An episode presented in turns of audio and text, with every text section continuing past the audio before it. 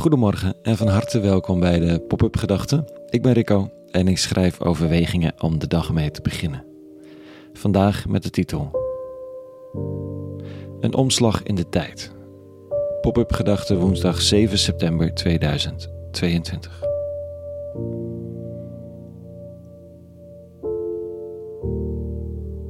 Het kon niet op, schrijft Geert Mak. De rijkdom klotste tegen de plinten. Het optimisme was niet te stuiten. Men vreesde voor de millennium bug, maar dat was dan ook echt het enige. Tot de eeuwwisseling van zo'n 22 jaar geleden geloofden we, en ik schrijf het even zoals ik me herinner, dat we het centrum van het universum waren in Europa. Dat het hier ongeveer de hemel op aarde was en dat dit eeuwig zou duren. Nou, de millennium bug bleek niet echt een probleem, maar alles wat daarna volgde wel. Van 9-11 tot de bankencrisis, het groeiende populisme, oorlogen, een opvangcrisis ten opzichte van vluchtelingen uit nieuwe oorlogen, weer nieuwe oorlogen, groeiende ongelijkheid en dan de klimaatrampen die ons overspoelt aan alle kanten. Een omslag in de tijd zou je het kunnen noemen. En ik lees vanochtend de beroemde zaligsprekingen van Jezus van Nazareth. Het zijn een soort heiligverklaringen zoals de paus dat doet, maar dan in brede zin. Dit soort zinnen zijn vrij bekend. Zalig, u die arm zijt, want aan u behoort het Rijk Gods. Zalig u die nu honger lijdt, want u zult verzadigd worden. Zalig u die nu weent, want u zult lachen. Deze zinnen zijn tot troost geweest voor velen en waarschijnlijk terecht. Toch vraag ik me, gezien de historie, een beetje af of deze zinnen wel voor Europa anno nu bedoeld zijn. Meestal lezen we dat soort teksten niet politiek of maatschappelijk, maar persoonlijk. En het kan waarschijnlijk allebei, maar stel dat deze teksten eerder bedoeld zijn voor de slachtoffers.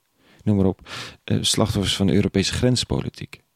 Europees of westers neocolonialisme en de slachtoffers van industrialisatie en kapitalisatie van de voedselmarkt, van de wereldwijde grondstoffen als, als kobalt voor mobiele telefoons of van fossiele brandstoffen.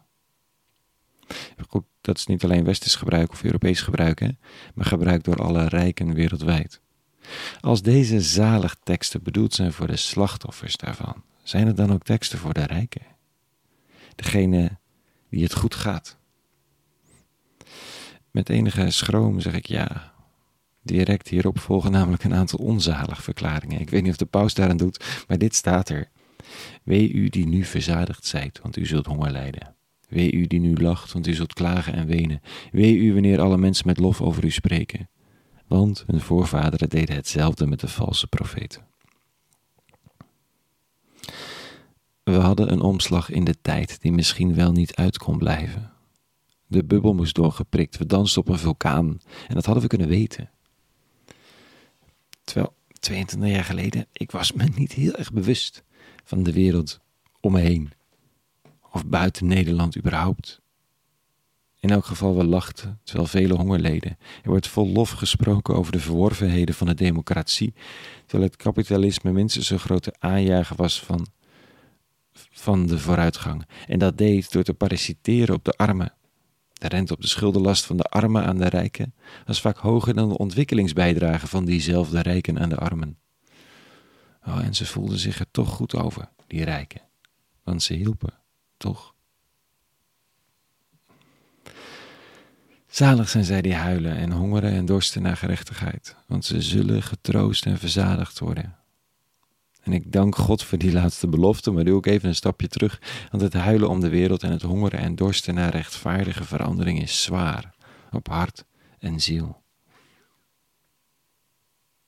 En je doet dat ook niet zonder te lachen en te ontspannen. Juist als er lichtpuntjes zijn, of juist met mensen in wie je op momenten het lijden aan de wereld herkent. Maar het is belangrijk het ongemak te voelen, te erkennen dat het niet klopt als het niet klopt. Zodat het eerste deel van de zaligsprekingen ook weer over ons gaat. Over de mensen die dansten en beseften opeens dat de vloer lava was. Dansen op een vulkaan en die begonnen te redden wat er te redden valt. Elkaar ondersteunend en met beter oog voor de tekenen van de tijd. Nou, het is misschien een beetje een donkere opening van de dag. Aan de andere kant, het is ook een straal licht voor de harten wie het soms even zwaar te moeden is. Want je bent niet alleen. Nooit geweest. En zult het niet zijn. Weet je, gezien en gedragen. Tot zover even vanochtend. Een hele goede woensdag gewenst. Morgen weer een nieuwe Pop-up Gedachten. Abonneren kan nog steeds op popupgedachten.nl. Bijdragen ook, dat zou super zijn. En dank nog voor alle royale bijdragen die er al zijn geweest. Echt fantastisch. En tot slot. En misschien wel als allerbelangrijkste. Vrede. Vrede gewenst. En alle goeds.